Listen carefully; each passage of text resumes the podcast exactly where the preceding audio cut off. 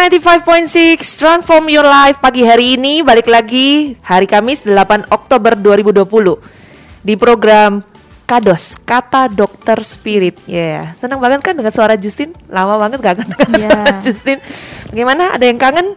Ada dokter yang kangen bahasa di depan Hari ini Justin nggak sendirian ya. Seperti biasa kalau program kata dokter spirit selalu ada suster dan ada dokter. Hari ini suster saya adalah suster Sally. ada pendamping yang menemani saya Sally. Dan ada dokter kita yang menjadi kesayangan semuanya yaitu Dokter Jo. Selamat pagi Hai, dokter. Selamat pagi. Ini kamera saya mana? Iya, ya? dok kameranya mana ya? Saya ini juga saya perhatikan kok kameranya kok pada hilang semua ya. ini nggak saya ambil ya? Jangan jangan oh, itu kamera saya. Oke pagi hari ini ya Spiritness kita mengajak kalian untuk mendengarkan acara kita selama satu jam dari jam 7.30 sampai jam 8.30 dan kita mau berbicara tentang hal yang sulit. Jadi kalian harus mantengin sungguh-sungguh ya biasanya sesuatu yeah. yang sulit tuh harus diperhatikan dengan fokus yeah. ya kalau kita uh, angin lalu atau samar-samar terdengar itu susah kita mengerti kalau hal yang sulit itu kita harus perhatikan sehingga kita bisa mengerti. Benar ya Celia? Sulit nggak bahannya Seli?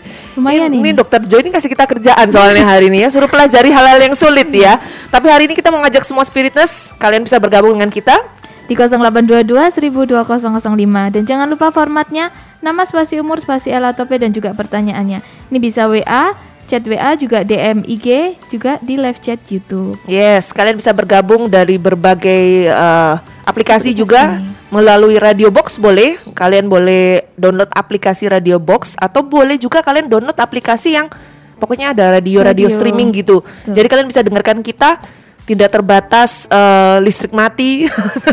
Ya listrik mati itu biasanya kan nggak bisa. Nah ini pokoknya selama ada internet deh kita bisa jalan yeah. pokoknya. Tapi kalau listrik mati internet mati juga ya? Uh, biasanya nah ya kurang. seperti itu. Berarti kita dengarkan aja pujian satu ini. Kita akan balik lagi tetap stay tune di Spirit 95.6 Royal Pursuit raise your hand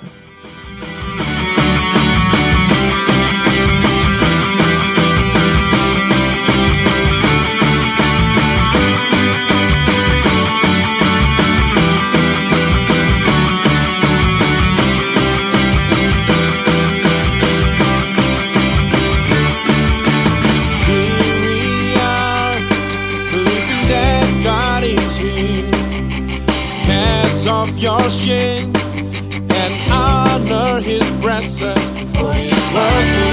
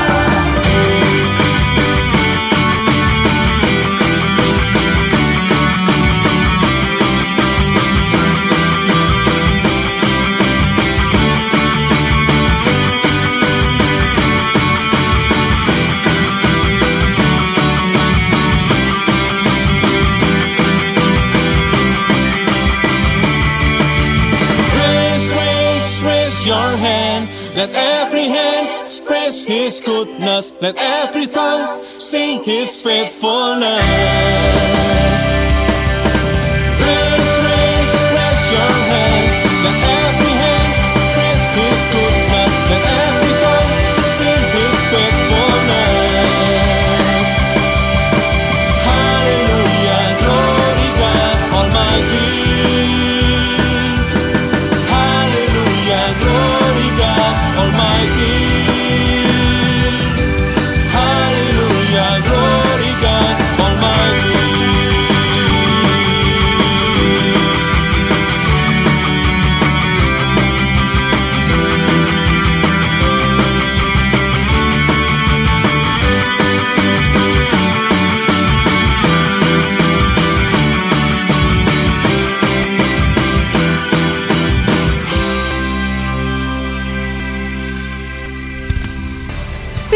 Kembali lagi di program Kados bersama Dr. Johannes. Stay tuned on Spirit FM. Transform your life.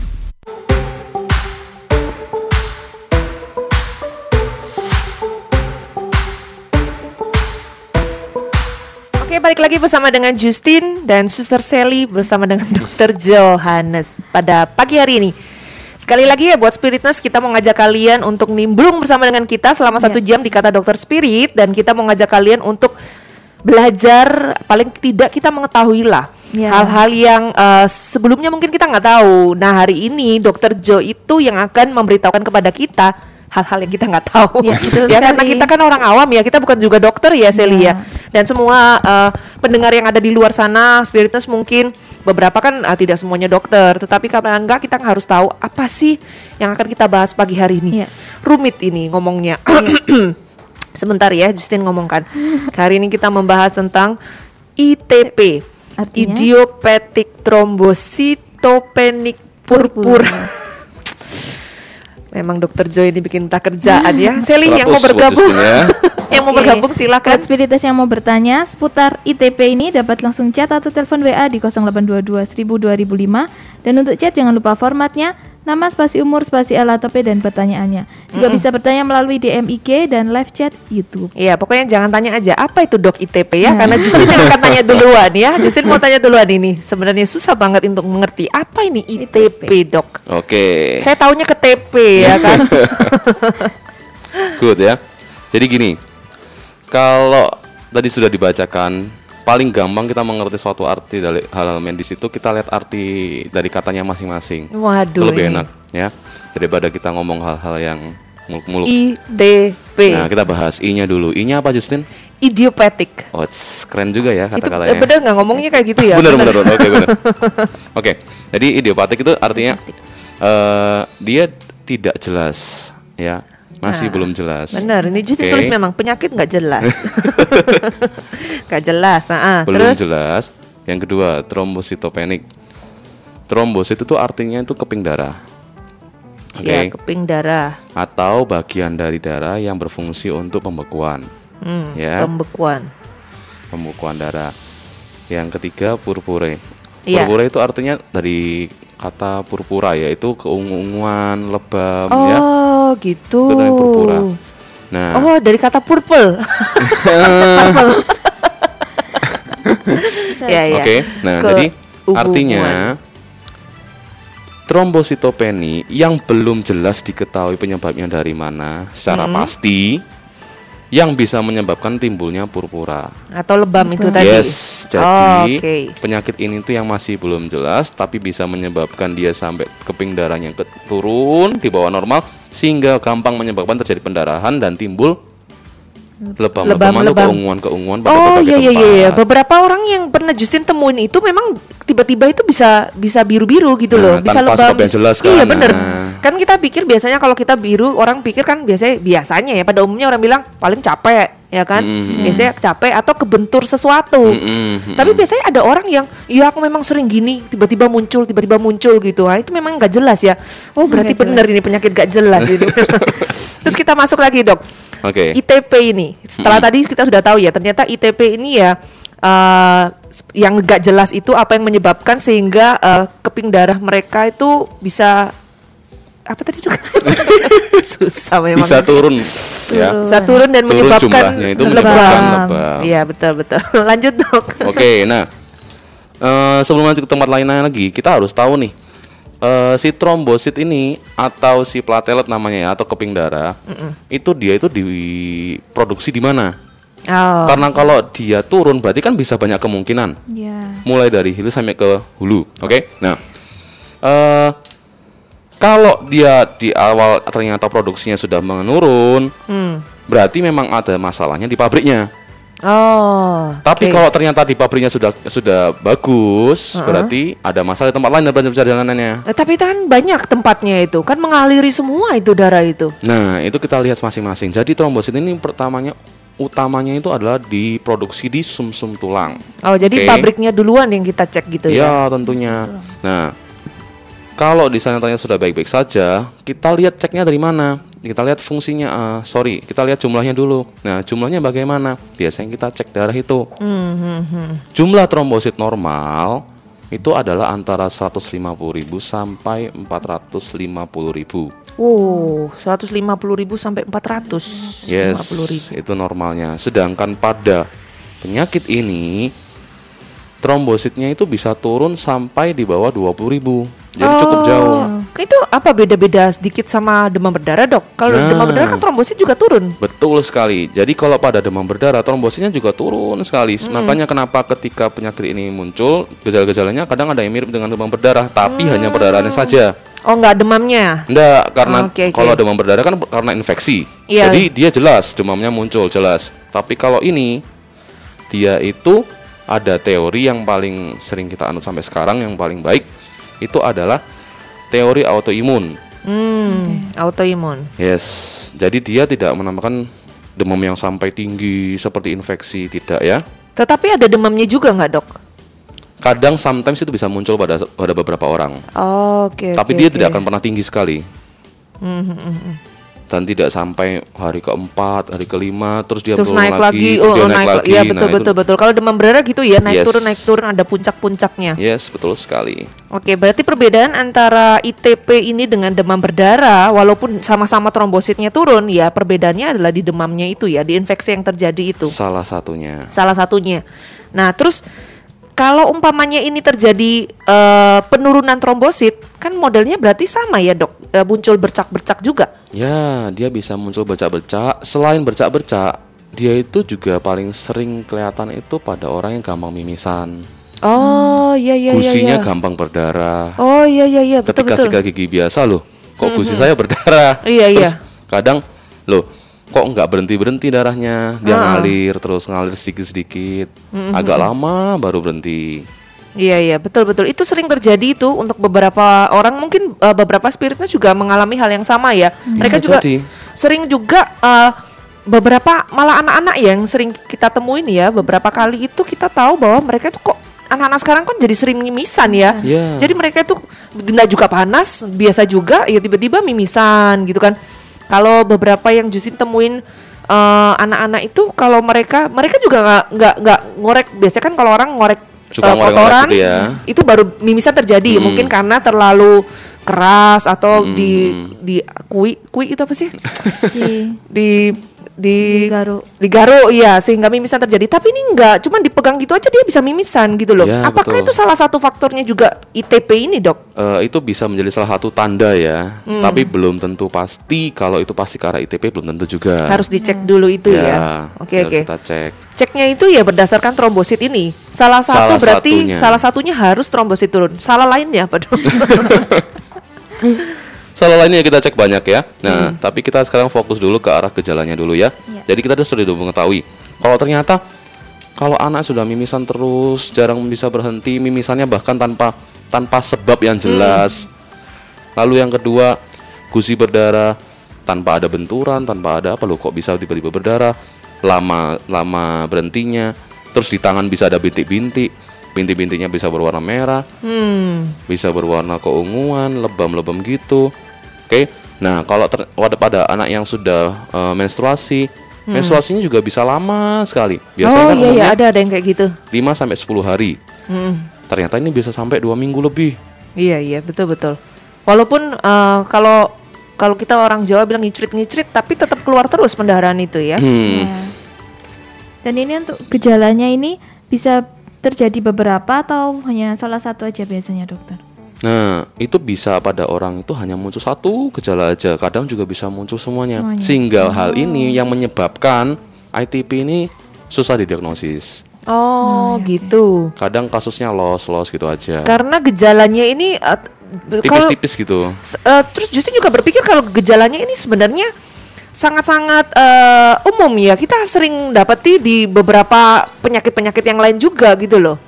Bisa, Kayak- betul. Pendarahan-pendarahan ini gitu kan. Terus memar-memar itu bisa juga ada ada juga di gejala-gejala penyakit yang lain gitu ya. Ya. Dan akhirnya untuk bisa memastikan dok bahwa ini kalau ini pasti udah ITP ini pasti ini. Itu dari mana? Gejala yang bagian mana atau yang seperti apa? Dari kita mengekskludkan, dari kita mengeksklusikan, kita mengeksklusikan penyakit-penyakit lain yang mirip-mirip seperti ini. Hmm. Karena apa? Karena ini kan memang eh, dia idiopatik tipenya nih. Hmm. sehingga tidak begitu jelas ya. Nah, jadi kita harus perkuat di anamnesisnya. Anamnesis itu kita tanya-tanya pasiennya. Hmm. Kita perkuat di historicalnya ya. Kita perkuat di gejala-gejalanya. Hmm. Yang pertama tadi itu ya. Tanpa sebab yang jelas terjadi pendarahan Hmm. dan pendarahannya cukup lama tidak bisa langsung berhenti dengan cepat pada umumnya. Hmm. Lalu yang kedua, kita lihat riwayatnya. Biasanya kalau ini yang tipe pertama kali ya, biasanya yang tipe akut itu dia itu didahului dengan infeksi virus. Oh, oke oke, infeksi virus. Ya, misalnya dari riwayat ternyata, 1 sampai 4 minggu sebelumnya ini tuh sudah terkena infeksi dulu sebelumnya. Nah, ada historinya dia ternyata pernah infeksi nih. Oh, gitu. Atau 1 sampai 4 minggu sebelumnya dia pernah minum obat-obatan tertentu yang bisa mencetuskan ITP ini terjadi. Oh, ada obat-obatan tertentu yang juga bisa membuat eh, ITP ini Mm-mm. muncul gitu ya. Yes, misalnya- ada triggernya gitu Mm-mm, maksudnya ya. mm-mm, betul sekali. Misalnya yang eh, paling lagi rame-rame juga nih, oh, obat malaria yang kayak gitu kan. Nah, Mm. ini ada obat namanya obat kina itu. Ini juga bisa mencetuskan hal ini terjadi. Oh, iya iya iya, oke oke. Salah satunya, oke? Nah, selanjutnya, Hmm. Selain dia cuma bisa menyebabkan bintik-bintik atau mamar-mamar itu, dia juga nggak sampai sana aja. Dia bahkan bisa sampai ke bener-bener yang orang bengkak. Jadi yang sampai dia eh, merah betul, terus ada kumpulan darah di sana, seperti ada darah beku di dalam. Oh, Jadi iya, benar-benar iya, iya. bisa sampai seperti itu ya. Jadi kita harus perhatikan. Oke, lanjut. Berarti Setelah agak Mm-mm. agak susah sebenarnya kita memperhatikan kayak gitu ya, Dok ya. Kalau bukan kok. dokter sendiri. Oh, kelihatan pasti ya. kelihatan. Kelihatannya bagaimana sih, Dok? Ya merah, keunguan kayak orang lebam sungguhan. Oh, gitu ya. Yes. Tapi kayak gitu ya memang harus tapi kan kadang kita bang- kalau kita lebam kan kadang kita berasa bahwa ya mungkin kan aku capean. Ada mungkin jangka waktunya dok lebam Nah. itu mungkin berapa bulan kah Oke, atau apa? Kalau cuma satu dua hari kan ah capek paling saya gitu. Karena lebam kan biasanya berapa hari doang turun ya, Ya, kan. Jadi kayak oke. keunguan habis itu hilang. hilang. Mm-mm, Betul. Nah, jadi kalau kita pada orang normalnya itu betul dia akan hilang, timbul nanti hilang lagi sedikit sedikit. Nah, Hmm. kalau pada ini dia itu akan sangat-sangat berulang biasanya. Oh, oke oke oke. Nggak cuma sekali terus gitu. Nanti berulang lagi pasti. Nanti berulang lagi. Nanti pasti berulang lagi, berulang lagi. Oh, jadi sering terjadi. Yes. Ada mungkin eh, uh, jangka waktunya mungkin eh, berapa hari aja atau bisa berminggu-minggu atau bisa berbulan-bulan terjadinya. Hmm, kalau itu kan kita membagi berdasarkan klasifikasi penyakitnya ya. Jadi kalau ITP ini sendiri kita bagi ada tiga. Kalau yang dulu kita bagi dua dua, akut sama kronis. Kalau yang sekarang kita bagi ada tiga, akut, kronis dan persisten. Oke. Nah, apa bedanya? Kalau yang akut ini tuh biasanya dia tuh masih fase-fase awal dan itu dia terjadi pada anak-anak. Anak-anak sekitar umur 1 sampai 4 tahun sampai 5 tahun, 6 tahun juga bisa. Oke. Kalau yang kronik dia biasanya munculnya itu pada umur lebih remaja ke atas, oke? Oh, oke oke. Lebih remaja ke atas tidak sampai ketua. Nah, tidak sampai lansia. Nah, Sedangkan persisten? nah kalau sedang resisten itu dia eh, dipatok kalau misalnya sampai 12 bulan dia masih tetap ada gejala muncul seperti itu. Oh, jadi dalam satu tahun dia punya gejala yang tentang ITP ini terus menerus. Yes, kalau yang akut dia itu sampai batasnya sampai 6 bulan, oke? Hmm, oke. Nah. 6 bulan. Mm-mm. Kalau yang kronik Di beberapa- antaranya. Oke, 6 bulan sampai satu tahun. Yes, Enam itu mm, Sedangkan yang persisten itu satu tahun. Gejalanya Lebih, yang di satu atas. tahun lebih di atas satu tahun yang terjadi gejala seperti ini terus menerus. Iya. Nah ini cukup menarik. dan Sebenarnya dia nanti bisa kita, sembuh nanti berulang lagi sembuh berulang lagi tapi ya bukan dalam artian dia terus-terusan berdarah terus enggak ya. Ah, iya, saya juga pikir seperti itu tadi dok. iya, tadi makanya saya pikir, waduh, ini kayak cerita di Alkitab ya wanita yang pendarah Darah yang itu ya. terus. Tapi kita akan balik lagi kita bahas tentang ITP ini eh, akut, kronik, persisten, ya, Oke. bener nggak? Saya Iya, bilang betul. dok. 100. Tetap stay tune di Spirit 95.6 bersama dengan Sally, Dr. Joe dan juga Justin.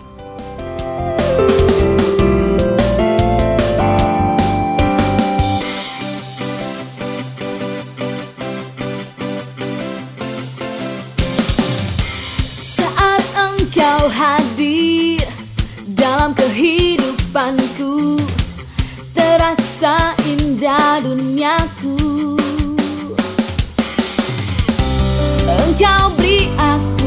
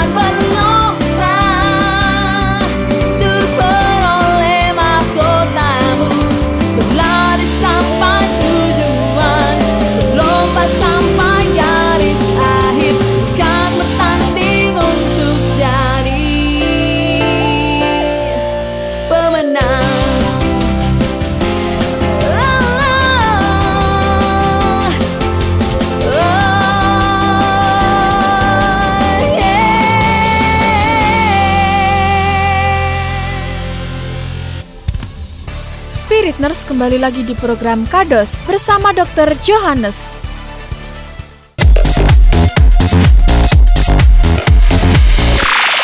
Spirit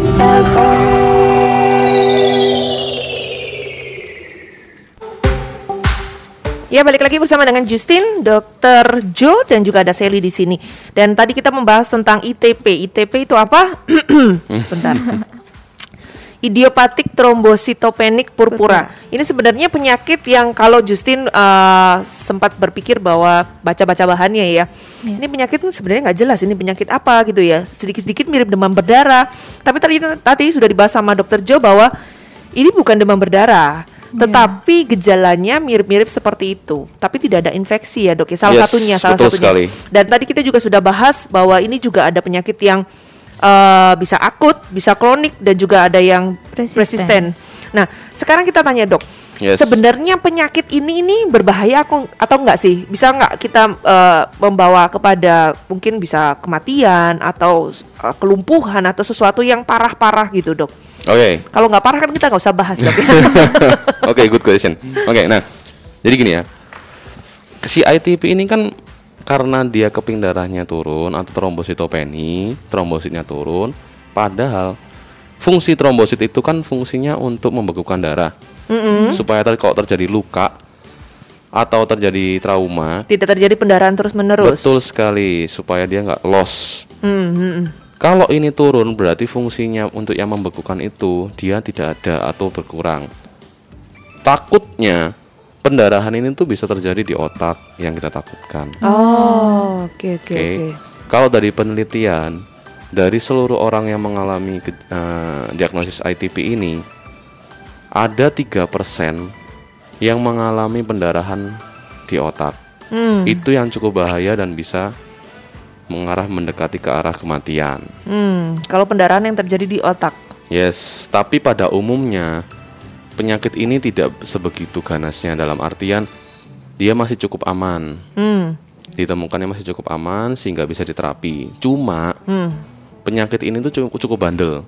Oh, jadi waktu di terapi mungkin sembuh habis itu bisa kembali lagi. Betul, atau bahkan terapi kita itu tidak mempan. Tapi bisa sembuh total nggak sebenarnya penyakit ITP ini? Hmm, kalau dikatakan sembuh total sebenarnya enggak ya. Kita bilangnya adalah remisi atau kita bisa dalam artian penyakitnya itu ditekan serendah mungkin aktivitasnya. Oh, jadi modelnya seperti dia tertidur gitu, dibiarkan Ya, tertidur. Bisa dibilang seperti itu. Oh, jadi suatu saat dia bisa bangun lagi berarti dok ya? Bisa. Dia, ya ada ada pemicu-pemicu khusus nggak yang bisa membuat eh, penyakit ini bisa bangun lagi? banyak ya Apa itu? salah satunya tadi seperti saya bilang infeksi virus Hmm. oke itu bisa sangat bisa mem- memicu oke yang kedua kalau pada anak-anak ini tuh bisa juga pada saat ketika mereka setelah menerima vaksin terutama vaksin MMR ya. Pernah tahu kan? Hmm. nah. MMR itu bukan yang untuk otak itu ya? eh. MRI. campur semuanya Justin. Campur. Jadi nasi campur ya. Oke lanjut. Nah eh si MMR ini kan isinya misal mumps rubella. Oh, campak-campak ya? Yes, betul sekali. Kasih ibu-ibu ya. Kalau saya itu belum tahu ya. Iya. Maksudnya? Oke, lanjut, kita- lanjut. kita lanjutkan. Next. Nah, jadi biasanya karena pemicu-pemicu hal-hal seperti ini loh, itu yang bisa memicu terjadinya si ITP ini muncul gitu. Loh, apa yang memicu dari eh, vaksin MMR ini dok? Nah, jadi karena ada infeksinya itu, dia itu memicu autoimunnya muncul. Oh. Dia kayak men-trigger. Jadi sebenarnya dari kecil kita sudah ketahuin eh, bisa tahu kalau anak ini punya ITP apa enggak gitu ya? Betul. Jadi sebenarnya mereka itu sudah punya bakat istilahnya. Hmm, oke oke oke. Cuma dia itu dipicu sama beberapa hal lain banyak.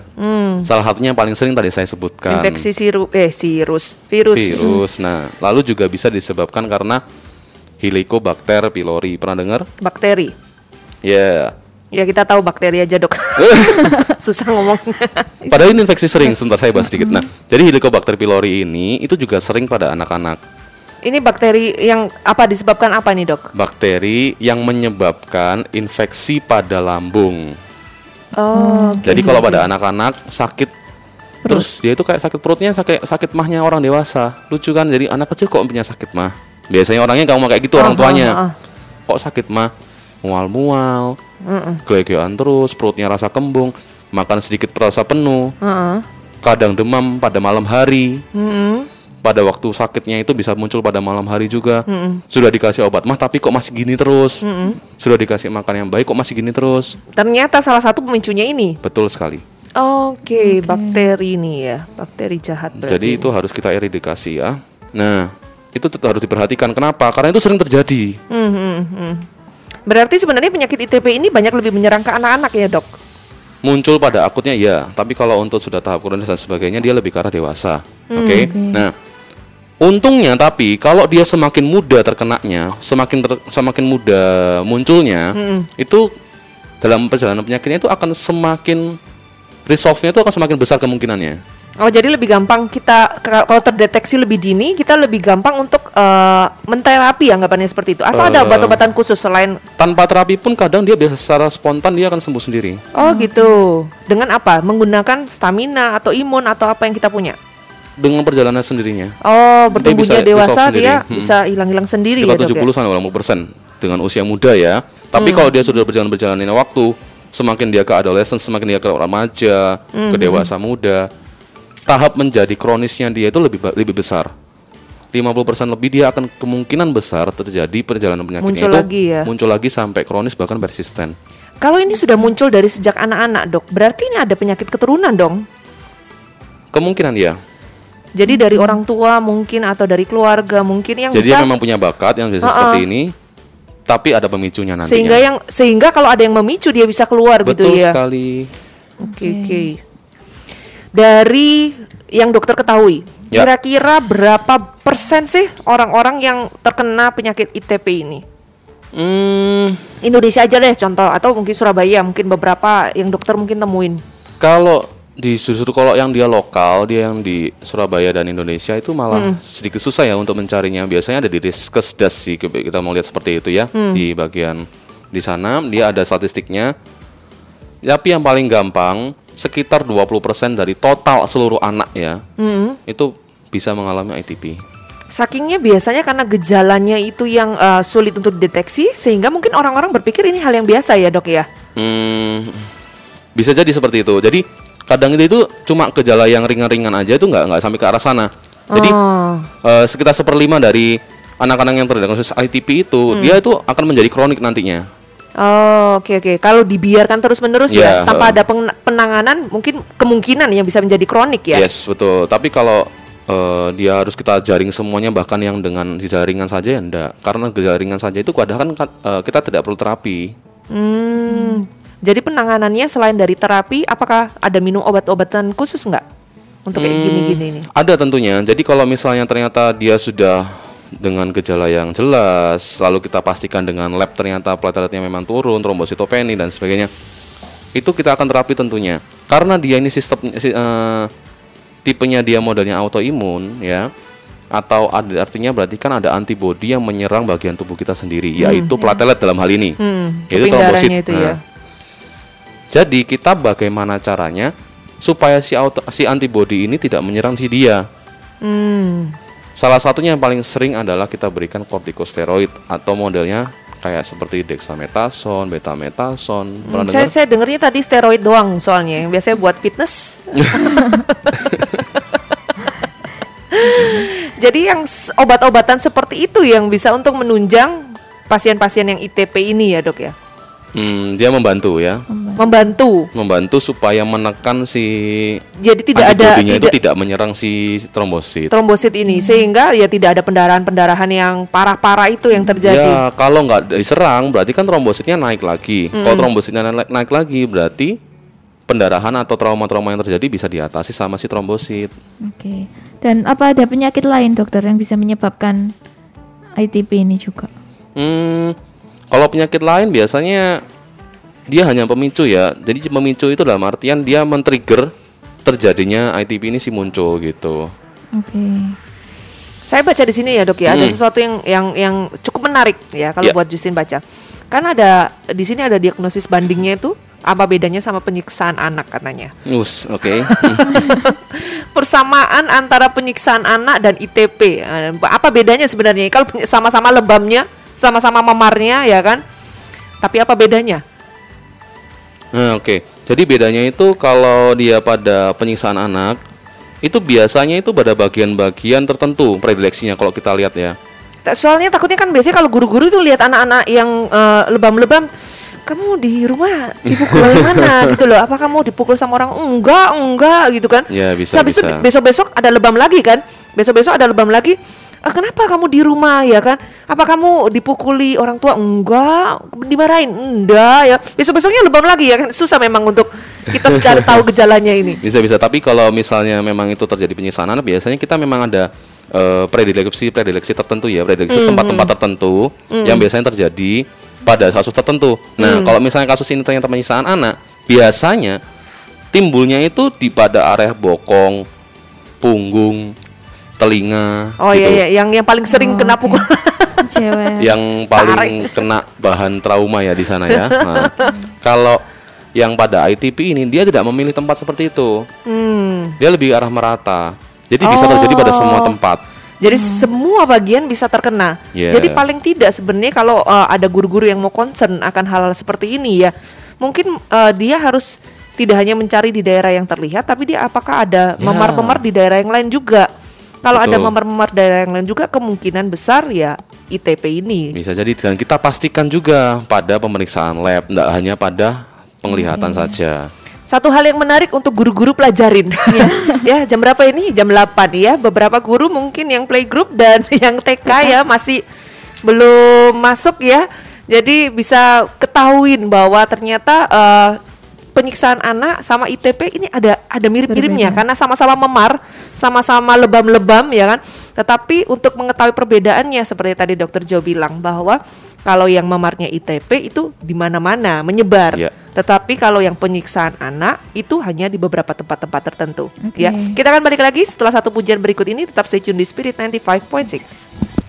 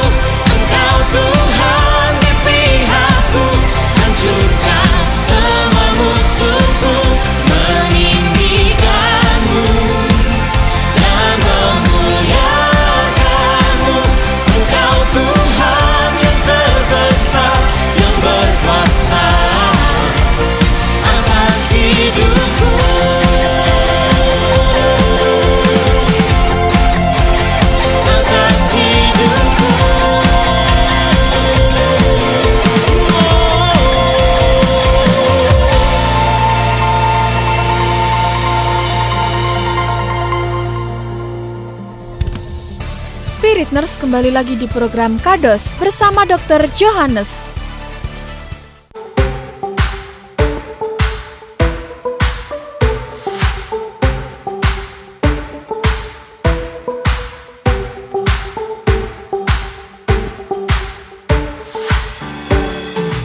Balik lagi bersama dengan Justin, Sally dan juga Dr. Joe di Spirit 95.6. Kita mengundang semua Spiritness sekali lagi yang mau bergabung di 0822 2005. Jangan lupa format wajibnya nama, spasi umur, spasi elatope. Setelah itu baru pertanyaannya. Ada pertanyaan ya tadi Betul ya? sekali dan ini ada pertanyaan dari Pak Yun. Di sisi telapak kaki kiri kanan agak merah dan urat berkelok-kelok. Apa varises dokter? Kadang ada biru tapi lama-lama hilang. Ya, bagaimana dokter? Oke, hmm, pertanyaan menarik ya. Jadi gini, em, kalau pada orang yang berusia lanjut, Umur Pak Yun tadi berapa? Umurnya 71 ya? 71 tahun. ya, kalau pada umur usia lanjut seperti itu, dan dia letaknya di telapak kaki, ada pembuluh darah yang berkelok-kelok, oke, di sana biasanya itu terjadi karena pembuluh darahnya dia itu yang mengalami insufisiensi atau kita bilang fungsinya sudah menurun kur- jadi kurang baik. Oke. oke. Nah, di sana kan harusnya pembuluh darah balik itu dia itu punya katup-katup. Ya, bisa Katup-katup. dibayangkan. Selang di dalamnya itu ada katup. Hmm. Banyak, oke. Nah, tujuannya apa? Ketika dia balik, dia itu nggak akan turun lagi. Oh. Ketika dia turun ketutup sama katupnya tadi. Mm, mm, mm. Katupnya mau ada satu arah. Dia hanya bisa ke arah balik ke jantung. Yang turun lagi nggak bisa kena katupnya yang tadi ditutup. Oh. Paham ya? iya, iya. Ketika ada alurkan ke sana, katupnya buka. Iya. Ketika ada aliran balik, katupnya nutup. Oh, Oke, oke. Pinter oke. ya? Ah, Iya. Iya, iya, Dok. Katupnya pinter luar biasa. Katupnya ciptaan Tuhan ini luar biasa. Jadi dia itu lucu, eh, bisa bisa membuka pada saat arus ke sana, tapi menutup pada saat arus balik. Satu jalur ya berarti Satu ya? jalur, dia tidak mau dua jalur. Heeh. Nah, dua jalur pada- ditahan nanti. Stop. Tit, gitu ya. pada pada orang yang biasanya sudah usia tua lalu ada ada faktor-faktor tertentu ya Hmm. misalnya suka pakai high heels dan sebagainya dan sebagainya dan sebagainya yang menyebabkan terjadinya varises Ya. sehingga akhirnya katup ini tuh rusak Oh, tapi varises bisa terjadi juga di telapak kaki ya, Dok ya? Eh, varises sebenarnya bisa terjadi di mana pun tapi memang ada beberapa tempat-tempat predileksi tertentu yang menyebabkan dia lebih gampang terjadi Oh, oke oke oke. Nah, Yang tadi itu pakai eh, hak tinggi mungkin. saya nggak tahu jelas pastinya letaknya di mana Hmm. Oke, tapi saya hanya berdasarkan apa yang diceritakan sama Pak Yun tadi. Sebenarnya paling baik sih enak di foto, kita lihat posisinya, kita melakukan pemisahan fisik ya. Tapi kemungkinan besar kalau dilihat-lihat tadi tadi yang dibilang ada pembuluh darah yang berkelok-kelok, berwarna kebiruan, kadang hilang. Hmm. Nah, itu kemungkinan besar masalahnya ada di varisesnya itu sih. Jadi kenapa? Harusnya dia pembuluh bagus. Karena dia ini katupnya sudah mulai rusak, mengalami insufisiensi, sehingga akhirnya itu menumpuk di sana cairannya. Oh, akhirnya ada yang berbalik ya, ada yang Ya. netes lah.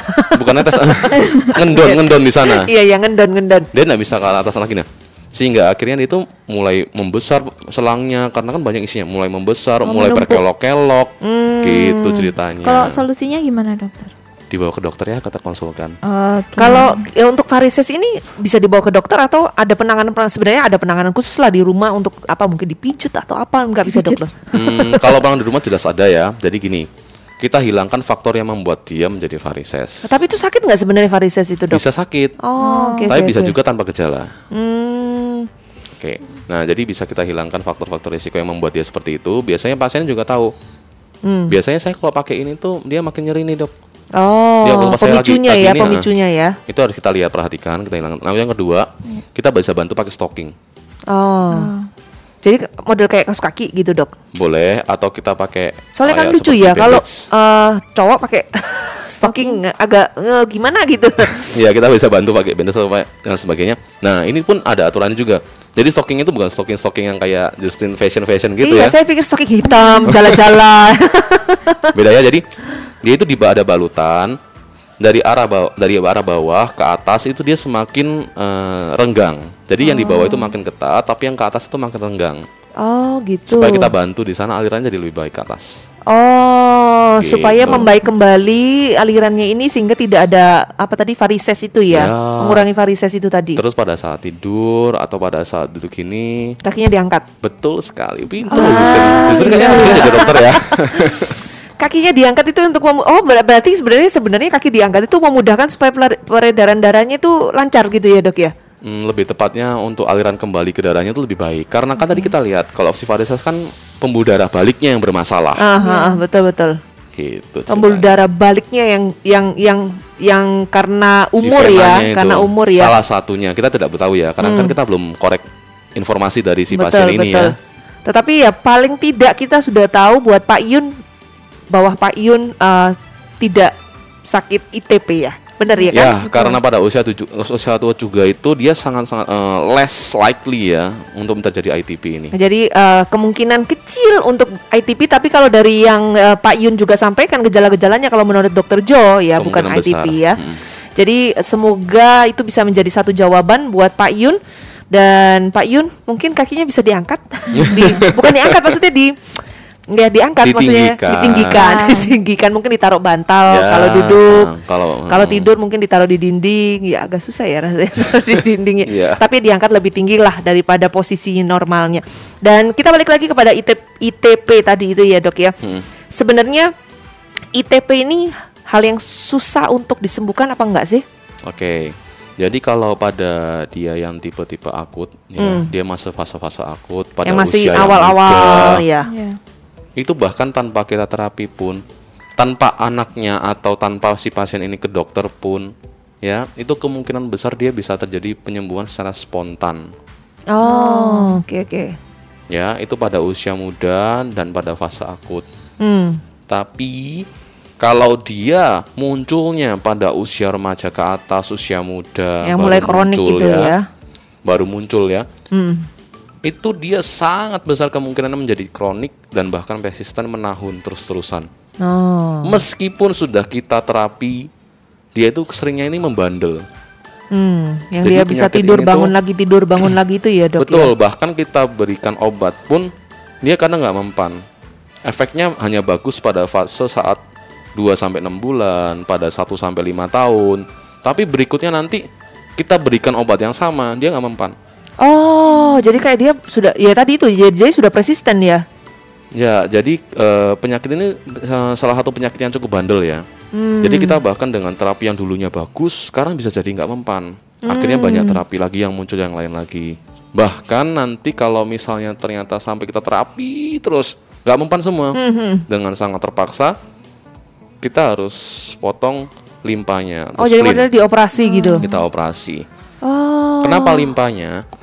Karena limpa ini yang bagian salah satunya untuk mendestruksi si trombosit. Ya, Jadi kalau kita kurangi yang Destruksi itu apa, Dok? yang menghancurkan trombosit. Oh iya, ya, oke oke. Kita mengerti kalau itu. Nah, jadi kalau si spleennya atau si limpanya ini kita potong sebagian, nggak semuanya ya, Hmm. kadang cuma sebagian atau tergantung penilaian dokternya pada saat itu ya. Itu kita potong sehingga akhirnya yang merusak si trombosit ini jadi berkurang. Hmm, Akhirnya trombosit ini kita harapkan bisa naik kembali. jadi lebih baik. Tapi dalam catatan itu juga seperti pedang bermata dua. Karena kan limpa sendiri fungsinya banyak ya. Salah satunya yang paling penting udah pada ada pertahanan tubuh. Aduh, Imun. saya nih kalau dengar-dengar limpa langsung lapar dah. Waduh. Fokus. limpa dipotong-potong langsung fokus saya berubah Jadi langsung. kalau itu kita kurangi, jadi akhirnya pertahanan tubuh kita juga bisa berkurang. Berkurang. Makanya biasanya sebelum terjadi eh, sebelum kita lakukan itu ada beberapa prosedur yang harus dilakukan. Salah satunya adalah vaksin. Oh, ada vaksinnya. Ya, terutama vaksin pneumokokus, meningokokus itu yang penting ya. Oh, iya iya iya iya, yang kokus-kokus itu. Saya pernah dengar itu. ya agak susah itu ngomongnya, Dok, tapi saya tahu itu itu memang vaksin yang dianjurkan untuk anak-anak biasanya. Pada usia-usia tertentu ya kan, penimo peni- pneumo- Fokus. Ya wes itulah pokoknya. Ada lanjutan lagi, Dok, atau enggak kita masuk ke kesimpulannya? Oke, kita masuk ke kesimpulan aja ya. Oke. Jadi gini, kita sudah mengetahui hari ini kita membahas mengenai salah satu kelainan darah Hmm. yang disebabkan oleh autoimun, tapi belum jelas penyebabnya. Iya, yang betul. disebut apa, Justin? Idiopatik trombositopenic purpura. Oke, good. nah, yang disebut oleh atau, atau kita singkat eh, ITP. Iya. Jadi ITP ini itu kemungkinan besar disebabkan oleh autoimun sendiri yang bisa dipicu atau di-trigger sama biasanya adalah infeksi virus atau infeksi bakteri tertentu bahkan bisa disebabkan karena obat-obatan. Mm-mm. Pelajaran apa yang bisa kita ambil? Kita harus perhatikan anak-anak kita atau bahkan yang di sekitar kita sendiri. Kalau terjadi ternyata dia ada mimisan, gusi berdarah, Mm. terjadi lebam-lebam, Pendarahan yang berulang, terus-menerus ya? berulang. Jarang susah eh, susah bisa berhenti dengan cepat. Mm. Itu kita bisa pikirkan salah satu kemungkinan terjadi ITP. Tapi kita tidak perlu khawatir Mm. karena seperti tadi kita sudah bahas, pada ITP yang anak-anak semakin mudah terkena, semakin gampang dia Disembuhkan. resolve atau spontaneous Iya. Hilang. resolve, oke? Jadi dia menyembuhkan dirinya sendiri ya. Jadi menjadi sesuatu yang normal lah anggapannya bisa seperti menjadi normal sendiri. Tapi kalau ternyata memang dia tidak bisa sembuh sendiri atau bahkan terjadi menerus-menerus sampai kita juga khawatir, Hmm. sebaiknya dibawa ke dokter untuk dipastikan ada kelainan darah nggak ini, kita Hmm. cek labnya. Dan tidak perlu khawatir karena apa? Obat-obatannya juga ada. Ya, vaksinnya juga ada. Eh, kok vaksinnya? Oke, nah kita lanjut. Nah, jadi selain itu, kalau memang ternyata sudah mencapai kronis pun, akhirnya tetap kita juga bisa terapi.